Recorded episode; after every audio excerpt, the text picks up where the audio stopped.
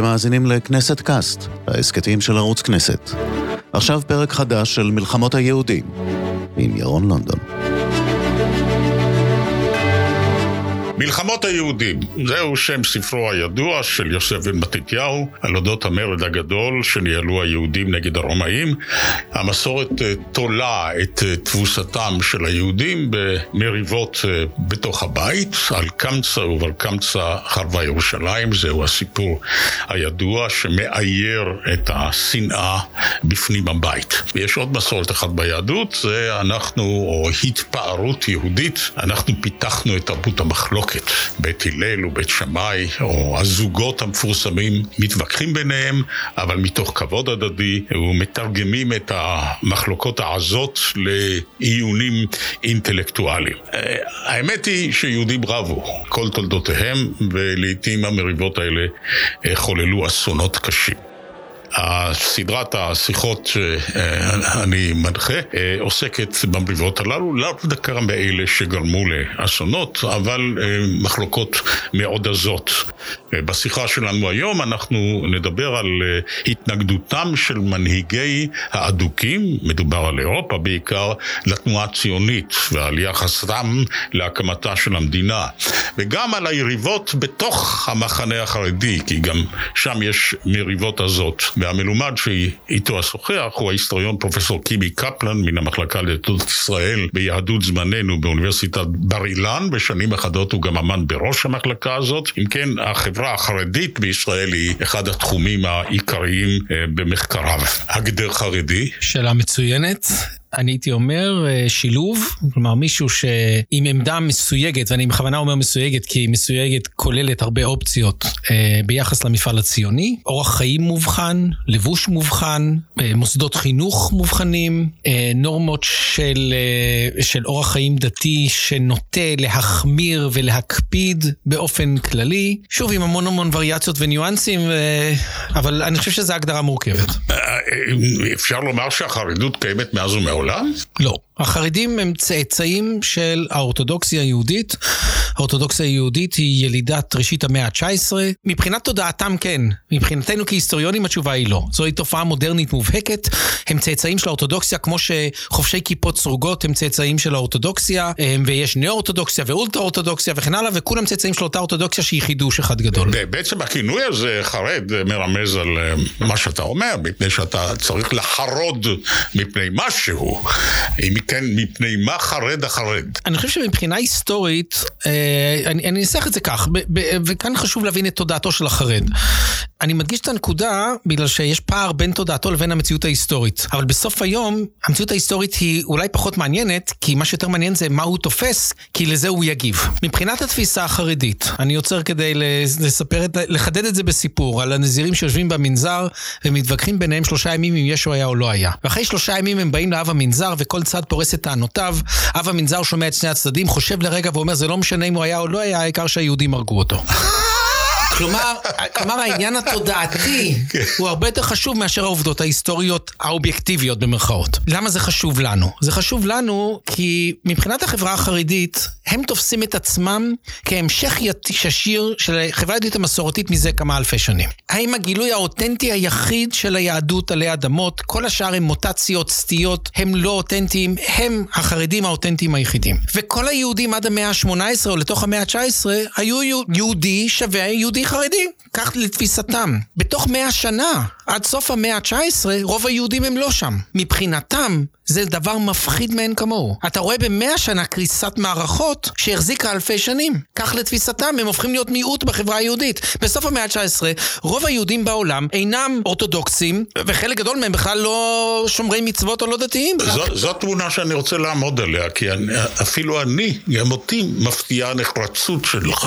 כלומר, במזרח אירופה או במרכזה, ששם חיה רוב היהדות, היהדות, כי במזרח, זאת אומרת, בארצות ערב חיו בערך עשרה אחוז מהאוכלוסייה היהודית עד ערב השואה. אז האוכלוסייה היהודית באירופה ובארצות הברית, אתה אומר ברובה המכריע הגדול כבר לא דווקא במסורות היהודיות, כבר לא התפללה שמונה עשרה, כבר לא הייתה קשורה לתרבות בית הכנסת, כבר לא הייתה בשטיבלים, איפה היא הייתה? לא, אני, אני מחדד. היא לא הייתה אורתודוקסית ולא חרדית. היו רפורמים וקונסרבטיביים. כלומר, בחרו באופציות אחרות שמבחינת החרדים הן אופציות לא לגיטימיות. אז זה חשוב. לא כולם השילו מעצמם את אורח החיים המסורתי. אלה ששיפצו אותו, איבדו אותו, שינו אותו וכן הלאה, שוב, לפי תפיסת האורתודוקסים בצורה לא ראויה, פסולה. וכמובן, אנרכיסטים, סוציאליסטים, קומוניסטים וכן הלאה, זו הדרך. הרשימה היא ארוכה וקבוצות נכבדות. או משכילים בכלל. משכילים, אבל תחשוב על תנועות הפועלים הגדולות בארצות הברית בראשית המאה ה-20, סוף המאה ה-19. אלה תנועות פועלים של מאות אלפים ויותר מזה.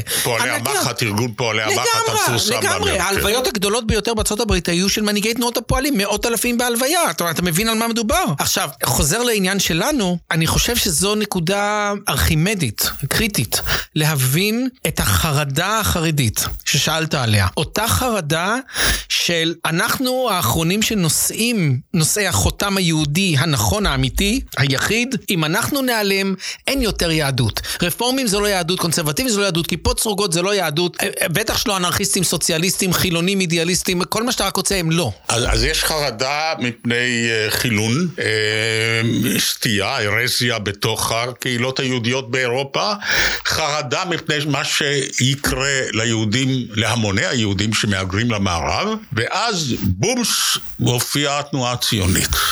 איך מתייחסים החרדים האורתודוקסים שמתחילים להיות חרדים להרצל? מצוין. זה לא כל כך הרצל, אמ, רק בסוגריים, לאמריקה הם קראו מדינה טרפה. כן, זה הביטוי, טרייפענע מדינה ביידיש. אמ, שזה ממש, היו רבנים שאמרו שאפילו כפות המנעול באמריקה הם טרפה. תראה לאן זה מגיע, דימוי, זה מאוד מעניין. כף מנעול לא יכול להיות טרף, לא, זה, זה לא מאכל. כלומר, אתה צודק, אמריקה או המערב, או, ה, ה, ה, זה מתכון רע. נחזור לענייננו.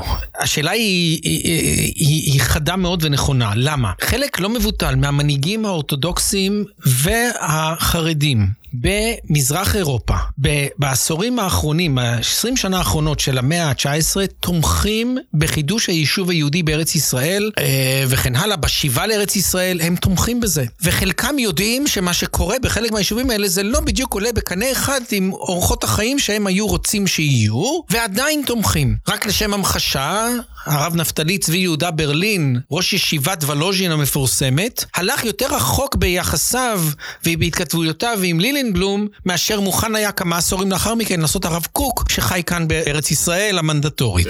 אבל היו, היו תנועות של אה, עליות, עלי, עליית... לגמרי. אה, חסידי יהודה החסיד, אה, אחר כך עליית תלמידי הגאון מווילנה,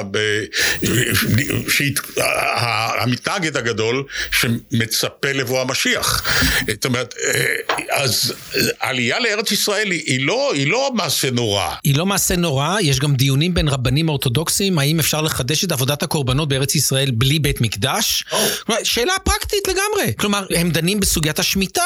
יש פה יישוב יהודי מתחדש, פתאום uh, מוציאים מה, מהנפטלין שאלות שבמשך מאות שנים ויותר לא דנו בהן כי הן לא היו רלוונטיות, כי לא היו פה, לא, הייתה פה, לא היו פה קהילות ש, או, או חיים חקלאיים שפתאום נדרשו לשאלה הזאת, קיבוצים, כן, קיבוצים במובן של קבוצות של אנשים. כן, לא, לא, לא קיבוצים. לא קיבוצים במובן כן. שאנחנו חושבים. אבל נניח אה, המושבה הראשונה, פתח תקווה. כן. זה מושבה של יהודים שיצאו מבין חומות העיר העתיקה בירושלים, יהודים מסורתיים לגמרי. לגמרי. עכשיו, מה שקורה הוא, כלומר, השלב הראשון הזה, וזה חשוב, כי זה ייצר לנו דיסוננס מאוד גדול, עוד רגע נגיע לדיסוננס. ארץ ישראל היא מקום קדוש, וארץ ישראל היא מקום, זה מקומנו, גם אם נגיע לא נגיע, אבל לשם אנחנו שואפים. אומרים את זה שלוש פעמים בתפילה כל יום, יהודים אורתודוקסים. הקמתה של, או ייסודה של התנועה הציונית על ידי הרצל, הם עדיין נמצאים במקום התומך. יש שורה של נציגים חרדים, שהם בקונגרס הראשון, ב-1897, והם גם מגיעים לקונגרס השני שנה לאחר מכן ב-1898. ומה שקורה בקונגרס השני, הקונגרס הראשון הוא אופוריה גדולה מאוד, מכונן, רגע מכונן. בקונגרס השני מתחילים לדון בפרקטיקה, ואחד הדברים שמתחילים לדון בו זה יהיה אופיו של היישוב היהודי בארץ ישראל. מה יהיה אופיו של היישוב היהודי? ומה שהם מבינים באותה שנייה, אופיו לא הולך להיות דתי. יש יש להם כתבי הרצל.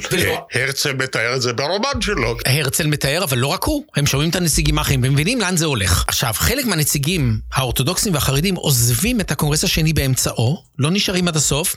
חלק אחר נשאר עד הסוף ורואה את ההצבעות ומבין שזה לא הולך למקום שהם חלמו, רצו או מאמינים בו. ותוך שנתיים יש היפוך מגמה. מ-1898 עד 1900 יש היפוך מגמה שבו חלק מאותם מנהיגים שתמכו בתנועה הציונית בצעדי הראשונים הופכים להיות מתנגדיה. והם בעצם אומרים, חברים, זה הולך למקום לא נכון, מקום פסול, מקום לאומי, מקום לא דתי, מקום חילוני, מקום אנטי דתי וכן הלאה. אבל, אבל הם שיוו לנגד עיני מדינה? אז העניין הזה של לעלות בחומה, או האיסור שהחרדים הדתיים קוראים לו לעלות בחומה, הווה אומר להקדים את המשיח, כן? וזה אסור, כי עוד לא ריצינו את עוונותינו, לא נרצה עווננו, אז אסור ללכת להקים מדינה. אז מה הם חשבו על הקונגרס הציוני, שזה לא קדם מדינה? אתה, אתה עולה על, בדיוק על המהפך של אותם שנתיים. כי ב-1900 יוצא ספר שעורכים אותו שני יהודים חרדים ממזרח אירופה, ששמו אור לישרים. אור לישרים מקבץ בתוכו כמה עשרות מכתבים של רבנים אורתודוקסים וחרדים בכירים במזרח אירופה, במזרח מרכז אירופה, מכתבים שכולם נגד הציונות. כולם נגד הציונות. בליבו של הספר מכתב בין אה, ארבעה עמודים של האדמו"ר החמישי של חב"ד, המכתב הכי מפורט, שבו הוא מניח על השולחן מה הבעיה עם התנועה הזאת. ואמרת בצדק גמור, דבר ראשון, התנועה הזאת אה, הולכת נגד שתי אמונות יסוד, שבמשך שעות, מאות שנים, זה מדרש אגדה שמופיע במסכת כתובות בתלמוד הבבלי, שלוש שבועות השביע הקדוש ברוך הוא את בני ישראל, ושתיים מהן הן רלוונטית אלינו, אחת מהן אמרת, אה, שלא לעלות בחומה, כלומר לא לעלות לארץ ישראל כנגד, או בלא אישורו של השליט, במקרה הזה האימפריה העות'מאנית, ודבר שני, לא לדחוק את הקץ. כלומר, אתה לא יכול, המשיח יבוא בעיתו ובזמנו, יהיה אשר יהיה, אתה לא יכול לעשות פעולות אקטיביות כדי לקדם את בואו. אז תיאולוגית, וזה מאות שנים המדר... האגדה הזאת, המדרש אגדה הזה היה רדום לחלוטין. יהודים התלבטו לעלות לארץ ישראל במשך מאות שנים. המדרש הזה כמעט לא תופס מקום בדיון הזה, הוא כמעט איננו. אבי רביצקי הראה את זה בצורה מאוד מאוד יפה באחד מספריו, איך זה מתעורר פה לחיים. מוצאים בארון, ה... בארון הספרים היהודים, מוצאים את המדרש הרדום הזה ומביאים אותו לקדמת, שמים עליו את הפרוז'קטור. והפרוז'קטור הזה אומר, חברים, נעשה כאן משהו לא ראוי, פסול. לא זו אף זו, תראה מי עושה אותו. מי מוליך אותו? מי הם האנשים שעומדים בראש התנועה הזאת? ומה שמפריע לאותם מנהיגים חרדים בעצם, אם אני מבין נכון, זה שיש כאן שינוי, או שיש כאן העזה של שינוי של הגנטיקה של מיהו יהודי. כלומר, עד היום הגדרנו יהודי לפי דת, והנה בא מישהו ואומר בוא נגדיר יהודי לפי לאום. ויהודי יכול להיות יהודי על פי שיוכו הלאומי, כלומר הזדהותו עם התנועה הציונית וחלומו, חזונו הציוני. הרבי מלובביץ' החמאד, האדמו"ר החמישי של חב"ד, מנסח את זה באותו מכתב בצורה ברורה ואומר, הם שוברים, אני אומר את זה בלשוני, זה לא הלשון שלו כמובן, הם שוברים את אותו DNA יהודי והם מכניסים כאן רכיב אחר. עכשיו, כל יהודי, צריך לומר, כל יהודי מאמין שהאל והדת הם מבחינתו הקוד הגנטי היהודי, לא יכול לחיות בשלום עם מפעל ציוני שמאתגר אותו. הדבר המעניין הוא לדעתי שהם uh, הפריזו בסכנה. מפני שעד היום, הרי מתחולל אפילו בין יהודים חילונים כמוני, uh, השאלה מה אנחנו, או מהו הקשר בין הלאום היהודי לבין הדת היהודית. התפיסה שלהם ניצחה. אין הפרדה, רק uh, פסיכים uh, אתאיסטים גמורים כמוני אומרים צריך להפריד, או א' ב' יהושע טוען, אבל טען, כלומר, זיכרונו לברכה. אבל רוב, תשאל את רוב היהודים במדינת ישראל, הם אומרים, לא, יש, uh, זה, זה, זה מונוליטי, זה... אבל אתה, אתה קורא אחורה. ואני אני, אני כהיסטוריון לא יכול לעשות את זה, זה ההבדל בינינו. ההפרש בינינו, לא ההבדל. זה ההפרש בינינו, אני לא יכול לעשות את זה. ומבחינתם, זה פעם ראשונה, כך הם תופסים את זה, שמישהו בא ומאתגר את אותו קוד גנטי של מי, במרכאות מיהו יהודי, או מיהו יהודי לגיטימי. והם לא יכולים להכיל את הדבר הזה. אגב, בסוגריים, בדיוק מאותה סיבה הרפורמים לא יכולים להכיל את הציונות בראשיתה. בדיוק מאותה סיבה. כי יש פה DNA שהוא DNA לא דתי. והם לא יכולים להכיל את זה. והם לא היחידים. אז עכשיו, כשאנחנו מתקדמים לקראת הקמתה של המדינה, כבר יש יישוב יהודי נכבד בארץ ישראל, ויש לו הנהגה, וההנהגה הזאת חותרת בשורה של תוכניות, תוכנית מולטימור המפורסמת. אנחנו, המטרה שלנו היא להקים מדינה יהודית בארץ ישראל. מה קורה אז? בינתיים יש פה ציבור חרדי נכבד בישראל, היישוב הישן, הבולט ביותר בין מנהיגיו הוא הרב קוק. אז מה אומר הרב קוק? הרב קוק נותן יד לציונות. איך זה? אז, אז, הוא יושב ביפו. אני רוצה לחזור רגע לשאלה ששאלת אותי בראשית הדברים, תגדיר לי חרד. אז אני רוצה רגע לחזור למילה, למונח חרד. כי בתקופת המנדט, המונח חרד הוא בעצם מה שאנחנו קוראים היום דתי. וכמו שקראו לחילונים חופשיים. אז, אז יש כאן משהו מתעתע. כלומר, הרב קוק, אתה קורא את העיתונות של תקופת המנדט, הרב קוק קוראים לו חרדי. אבל הכוונה היא לא חרדי במובן שאנחנו משתמשים במילה היום. אז הוא אדם שיש לו תפיסה אה, משיחית, הוא רואה כאן מהלך משיחי גדול, שהחילונים שותפים לו, הם לא מבינים את זה לדבריו, הוא מבין מה שהם לא מבינים וכן הלאה. ומהמובן הזה הוא תומך. אבל באותה נשימה, האיש הזה יש לו הרבה שניות. הוא יש לו שניות בגלל שיש משחקי כדורגל בשבת, וקורים פה כל מיני דברים שהם לא לרוחו ועליהם הוא מוחה וצועק ו- ו- וכן הלאה.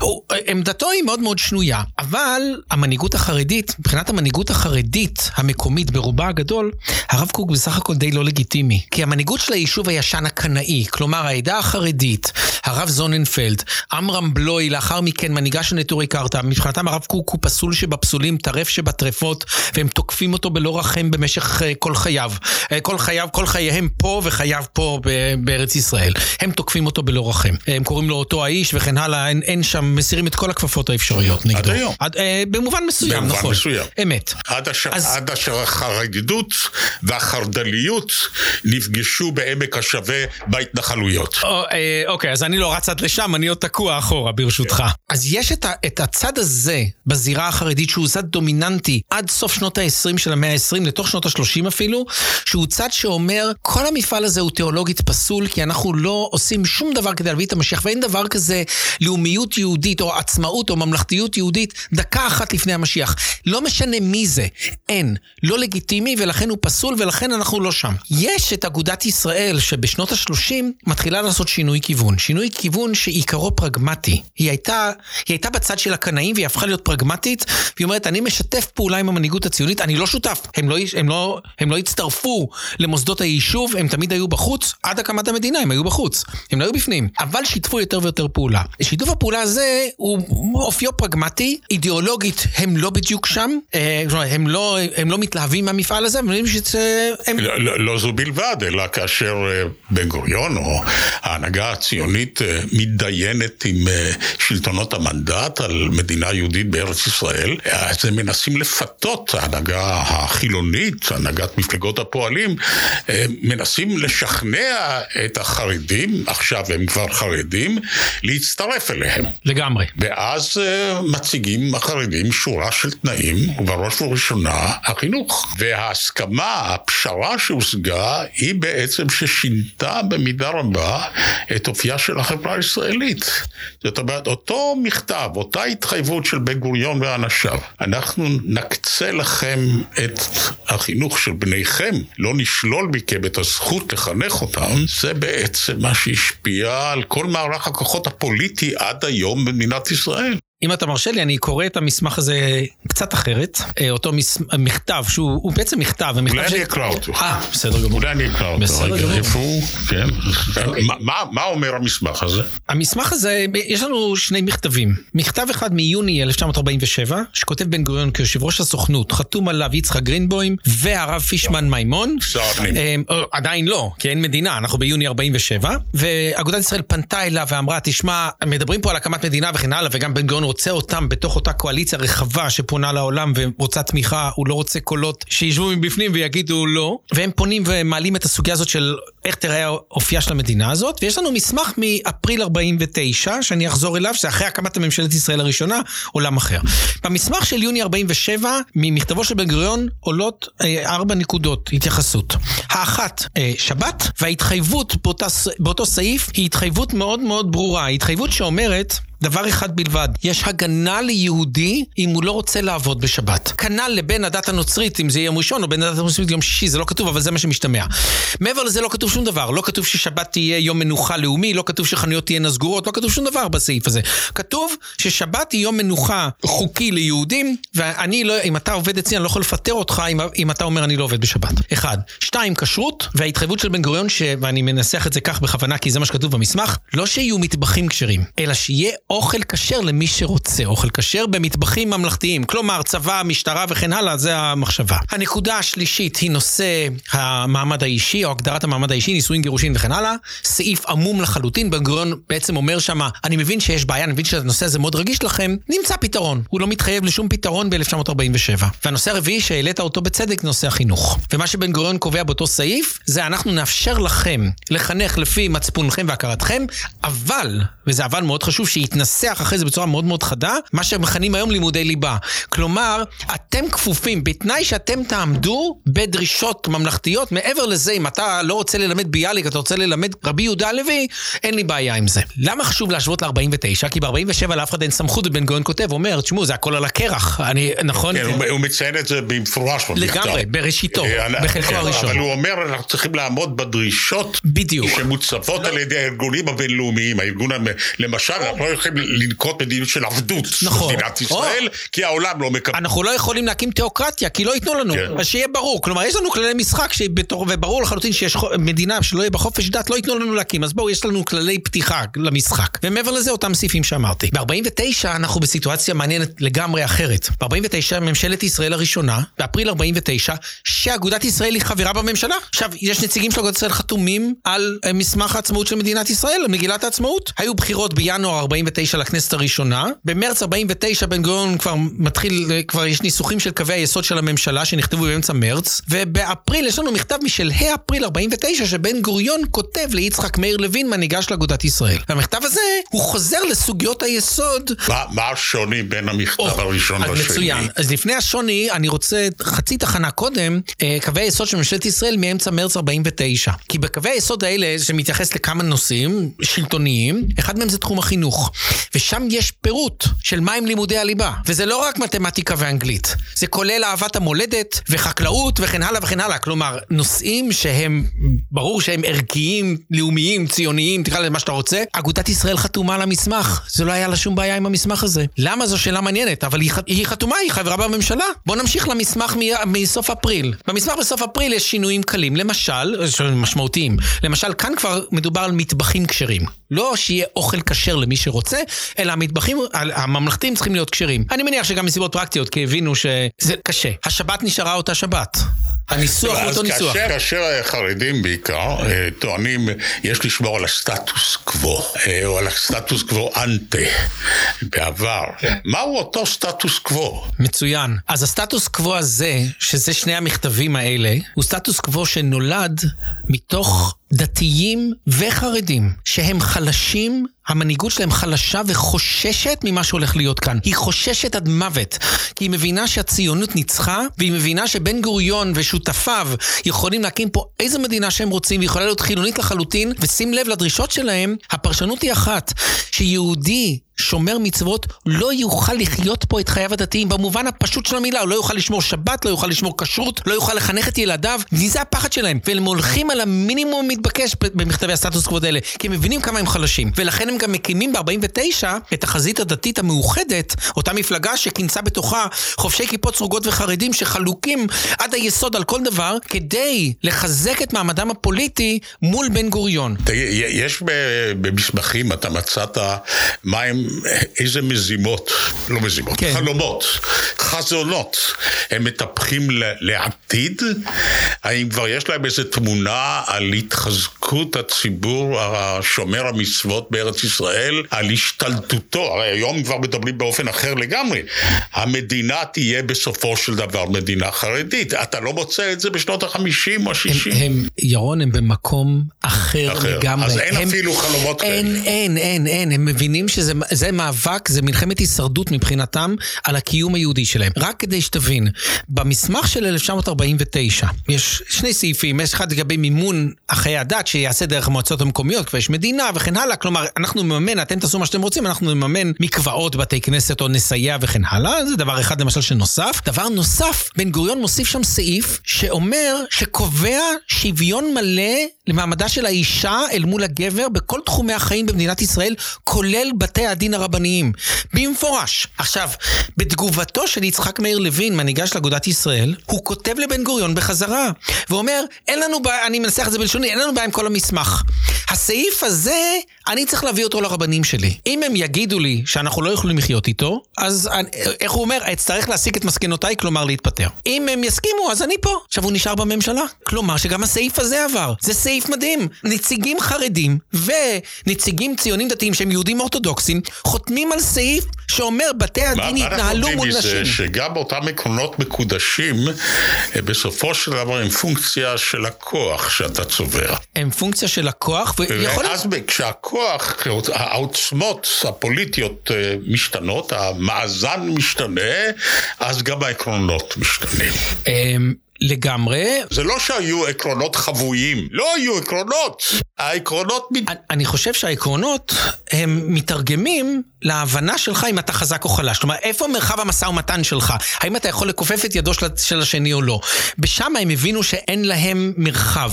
ומה שהם יצליחו להוציא, אגב, מנהיגי אגודת ישראל, כשהם קראו את המכתב הראשון של בן גוריון, הם נדהמו, כי הוא נענה לכל הבקשות שלהם. הם בכלל לא חשבו שזה יקרה. הם לא חשבו שזה יקרה. כן, אנחנו הבטחנו גם למאזינים לנו, שנשוחח על עוד סוגיה אחת, והיא הפיצול בתוך הקהילות החרדיות. והחלוקה, הקטגוריזציה המקובלת, היא מתנגדים וליטאים, מתנגדים שהם ליטאים, כלומר, זה אותו שם, זה אותו כינוי לאותם, לאותו ציבור, חסידים, ואחר כך יש גם ספרדים, חרדים וכולי.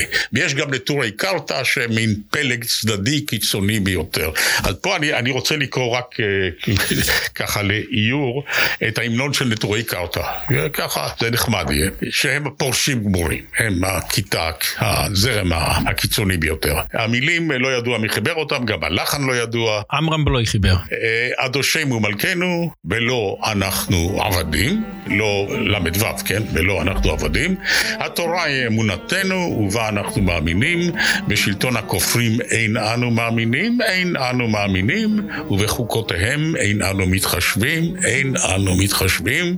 בדרך התורה נלך, באש ובמים, בדרך התורה נלך לקדש שם שמיים. אני, יכול להיות שהם קוראים את זה במלעל ולא במלרע, אז הדוישם הוא מלכנו ולא אנחנו עבדים, התורה היא אמונתנו, לקדש שם שמיים וכדומה.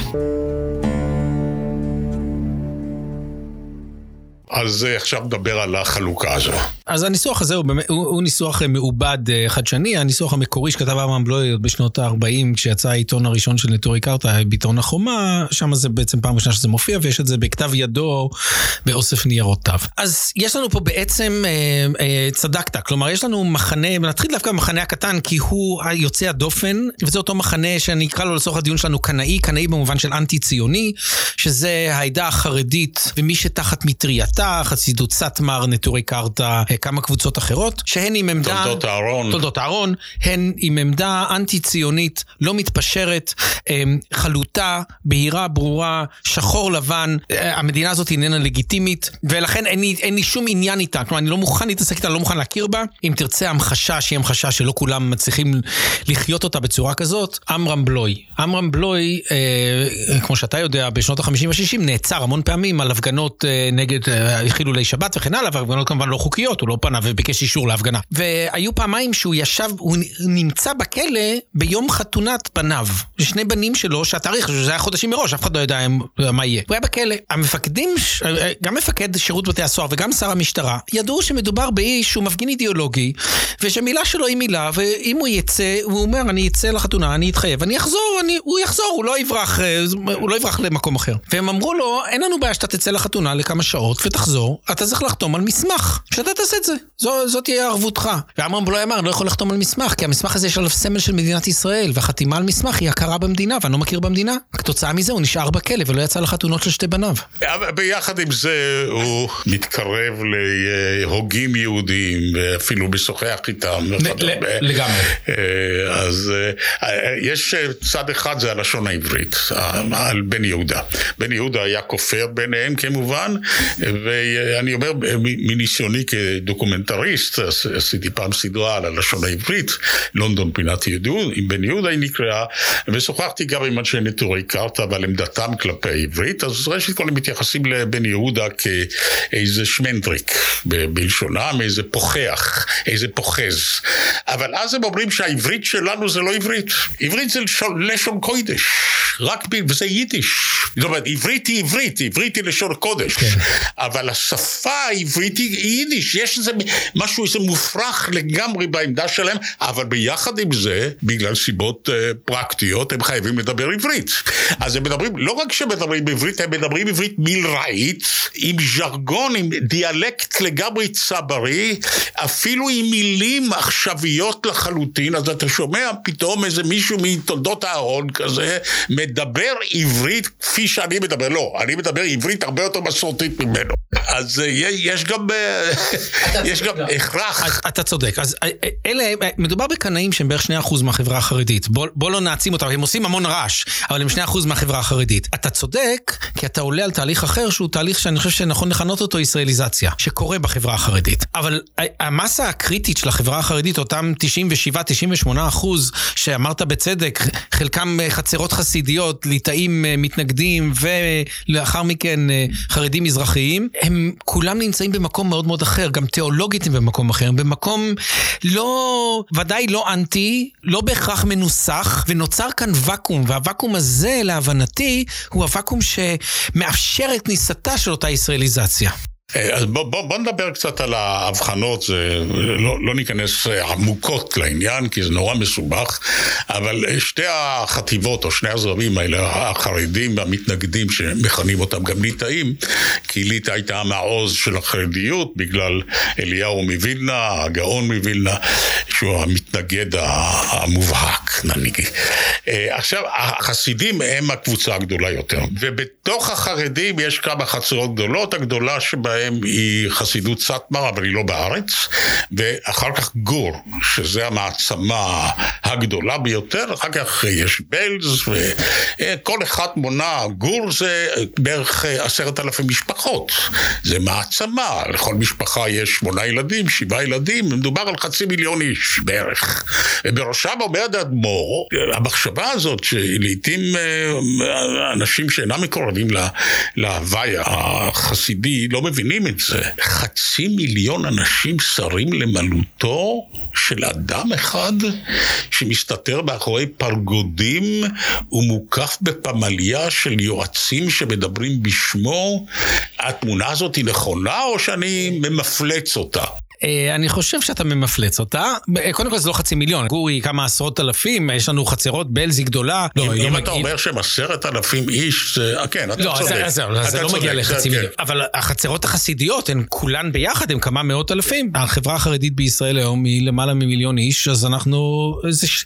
בערך יוצא שליש, שליש, שליש החלוקה. כלומר, שוב, באופן גס. אבל האדמו"רים הגדולים, הם שולטים על כמה מאות אלפים, זה ארבעה, חמישה כאלה, נכון? אז זהו, אז יש לנו כמה חצרות חסידיות גדולות, שתיים, שלוש גדולות, יש לנו בינוניות וקטנות וקיקיוניות, הכל יש. יש כאן אה, מנהיגות שהיא מנהיגות שהיא אה, כריזמטית, והיא נובעת, אה, להבנתי, מ, אה, ממקור שהוא מקור אה, על-אנושי או על-טבעי. כלומר, ההנחה של החסידים היא שלאדמו"ר יש יכולות או כוחות, איכויות על-טבעיות, שהן אה, חלק מהדם הכחול שזורם, וזה אלה חצרות מלוכה. אלה משפחות מלוכה, וזה כמו חצר מלוכה.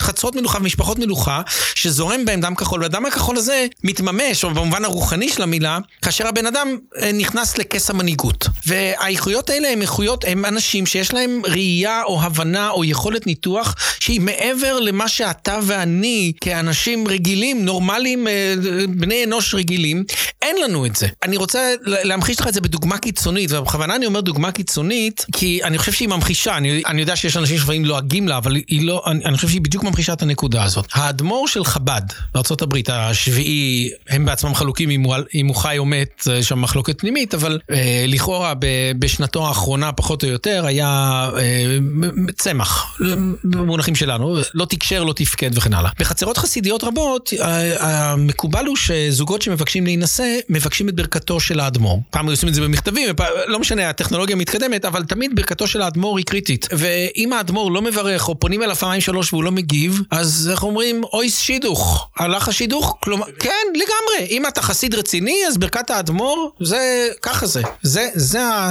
זו החתימה על השידוך. מה אתה עושה כשהאדמו"ר שוכב ולא מגיב? המזכיר שלו היה נכנס לחדר עם רשימה של הזוגות שמבקשים להינשא, מקריא אותה, יוצא החוצה ואומר, הוא לא אמר לא לאף אחד. עכשיו, הנקודה היא שההנחה שמסתתרת כאן היא ההוכחה שלי.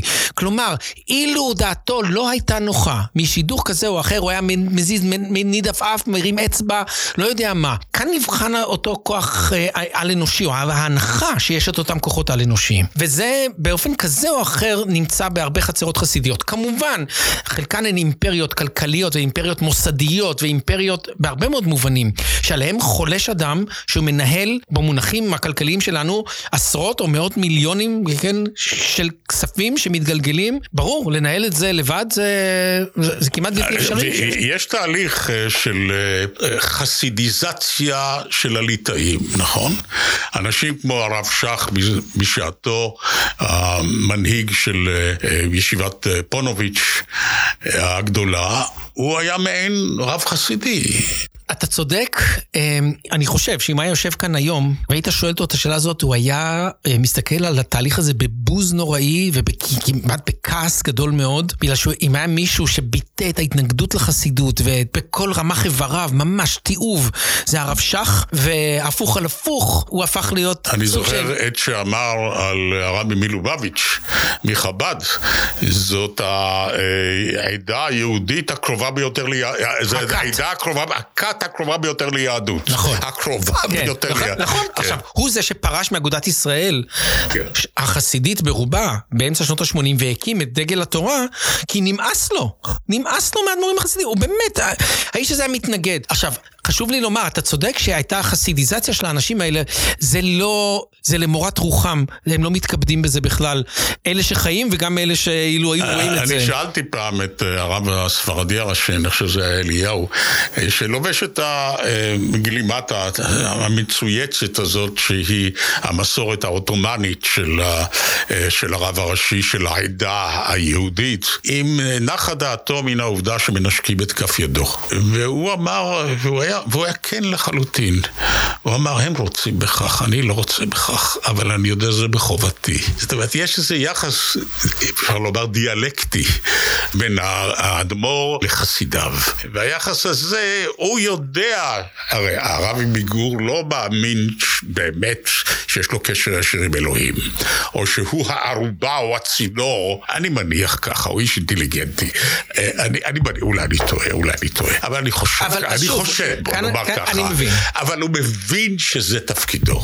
לקיים את התפיסה הזאת, הוא מבין, שזה, הוא מבין שזה תפקידו, אני חושב שיש כאלה שכן מאמינים שיש להם כוחות, אני, אני לא יודע, קשה לענות כי קשה לנו, אבל הם לא נוכלים, קשה לנו לראיין אותם, הם לא נוכלים, לא, לא, לא, רובם המכריע, לא, הם אנשים כן. הגונים וישרים שהם מושאים להרצה ביתית. אני רוצה לקרוא, לפני שנחתור לסיום, כי אני רואה שלקחנו על עצמנו אולי תפקיד קשה מדי לטפל בבעיה כזאת.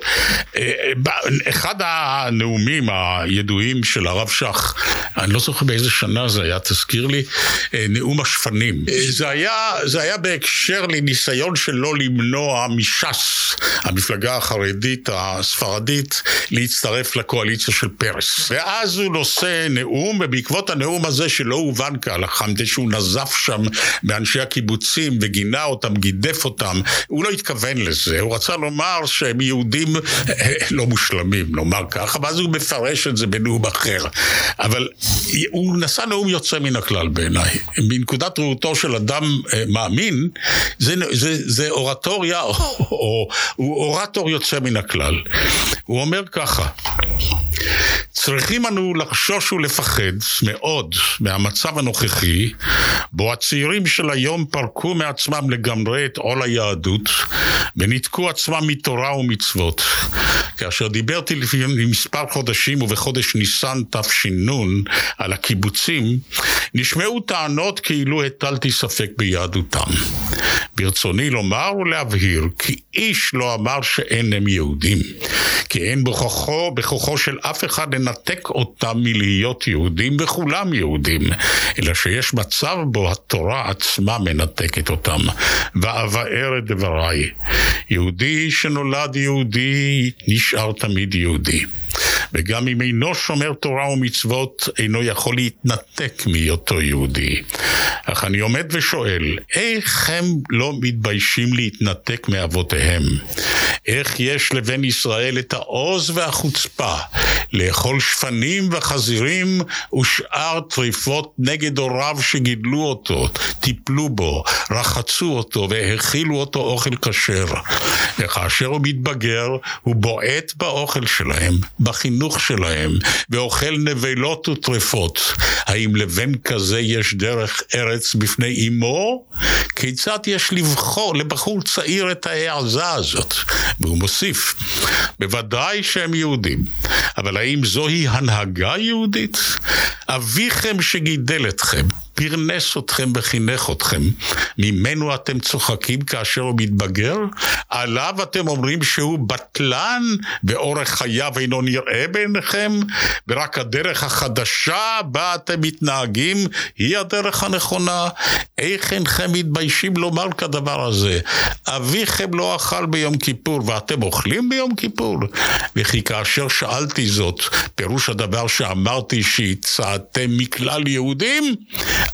אדרבה, אנחנו מבקשים מכם, חזרו אלינו בחזרה. אני חושב שזה נאום כנואם, כאורטור, הוא פשוט נפלא. ועכשיו, אם הייתי אורתודוקסי, הייתי אומר, שאפו. זו סגירת מעגל. למה שפתחנו בו את השיחה שלנו, זו אותה תודעה שאבותינו היו כולם שומרי מצוות, ויש פה איזה משהו, בוא, יש פה תהליך שקורה, תהליך שקורה בחברה היהודית, זה לא, התיאור הזה הוא תיאור קצת, קצת מוקצן, כן? אבל אני, אני רוצה כן לחדד נקודה לא לגב... בואו נסגור את השיחה בסדר. שלנו באיזה אמירה בעלת משמעות כבירה, שמאזיננו לא ישכחו אותה. אוקיי, אז שנייה אחת, אתה מרשה כן. לי שנייה לפני? אוקיי. הכריזמה של הרב שך, בניגוד למנהיגות החסידית, היא כריזמה שנובעת מתוך אינטלקט ומתוך לימוד. וככזו היא מועמדת למבחן, מבחן השנים. כלומר, אדם לומד, לומד, לומד, וכשהוא יוצא החוצה עם יכולותיו כמורה, כפוסק הלכה וכן הלאה, כך הוא קונה את מעמדו. זה לא על-אנושי, זה לא על-טבעי, זה לא מיסטי, זה לא, זה עומד למבחן. ואלה דפוסי מנהיגות מאוד מאוד שונים. וזה לא סותר את אותה חסידיזציה שאתה, שאתה הצבעת עליה. האמירה הגדולה... אני חושב שהשאלה הגדולה, שהיא השאלה שמלווה אותנו, היא אנה פניה של החברה החרדית. אה, ולכן אני, אנה פנינו. אני, אוקיי. אה, אני חושב שעד עכשיו, מה שאנחנו רואים, להבנתי, זה שהחברה החרדית עברה ב-40 שנה האחרונות, פחות או יותר, תהליכים של ישראליזציה בהרבה מאוד תחומי חיים, לא רק אידיאולוגיה, תרבות פנאי, דפוסי מגורים וכן הלאה וכן הלאה, זו הדרך, הרבה מאוד תחומי חיים, תהליכים של ישראליזציה, כפי שהם תופסים. מה זה יש,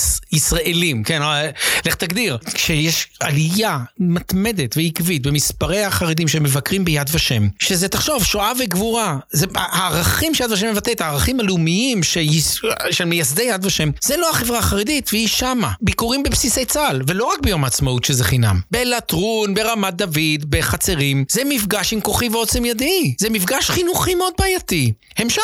הפנייה של הציבור החרדי ימינה מבחינת הדעות הפוליטיות והזהות הפוליטית של רובו הגדול עם הימין הישראלי, גם היא חלק מתהליך ישראליזציה, בהרבה מאוד מובנים. אני רוצה לבטא משהו ותאשר או תכחיש או, או, תנגח אותי. אני, אני חוזר לעניין שעליו דיברנו בתחילת שיחתנו. מהו יהודי, הווה אומר, במובן הלאומי או במובן הדתי. האם יש איזה אחדות או יש איזה פירוד? ואני אני, אני טוען שיש תהליך של אה, חרדליזציה אצל הציבור היהודי האורתודוקסי הלא חרדי, בתהליך של לאומניזציה אצל החרדים. וזה נובע מאי הפרדה בין היהדות לבין כלאום והיהדות כדת. מפני שאם אתה מאמץ באמת את הלאומיות כדת, פירוש הדבר יש לנהוג על פי הצווים הדתיים. והצווים הדתיים הם חד משמעיים, הם תנכיים. אם כן, מה שקורה אצל הדתיים הקיצוניים, החרדים, כאשר הם הופכים ללאומיים, זה מקבלים את היהדות במלוא חריפותה הקמאית, באיזה מין אוטופיה רטרואקטיבית. אנחנו חייבים להשמיד את עמלק, אנחנו חייבים לשעבד את עמי כנען. זה כתוב בתנ"ך. אם כן, שני הדברים האלה מתיישבים והם גם הולמים את הציונות הדתית. הציונות הדתית הופכת לפונדמנטליסטית חרדית, והחרדים הופכים לפונדמנטליסטים לאומנים. לדעתי זו סכנה איומה לדמוקרטיה הישראלית ולאומה הישראלית בכלל. אז אני, אני לא יודע מספיק לומר אם זה סכנה או לא סכנה. אני מקבל אה, חלק אחד של המשוואה שלך שאכן התרחש, חלק אחר לדעתי לא. אה, כלומר, אני חושב שזו תמונה היא, היא מורכבת הרבה יותר. החלק של החרדים שנהיו יותר לאומיים, כן, אפילו לאומנים יאמרו, לגמרי. זאת אומרת, אתה רואה את זה לא רק בזירה הפוליטית, אתה רואה את זה למשל כל הערים החרדיות החדשות, שהן כולן יושבות על קו התפר, הקו התפר הפוליטי, הקו הירוק, אה, או מעבר לו, שזה אקט שהרב שך התנגד לו בזמנו בצורה מאוד מאוד חריפה, מהטעם הזה של אנחנו לא מתגרים באומות ואנחנו לא זה, והוא התנגד על אפו ועל חמתו, זה מה שקרה. הצד השני של המשוואה, כאן אני במחלוקת איתך, אבל יכול להיות שהזמן יכריע. אני בדעה שמה שמכנים הציונות הדתית, היא בעצם התפרקה במובנים רבים. ויש בה כל מיני רכיבים.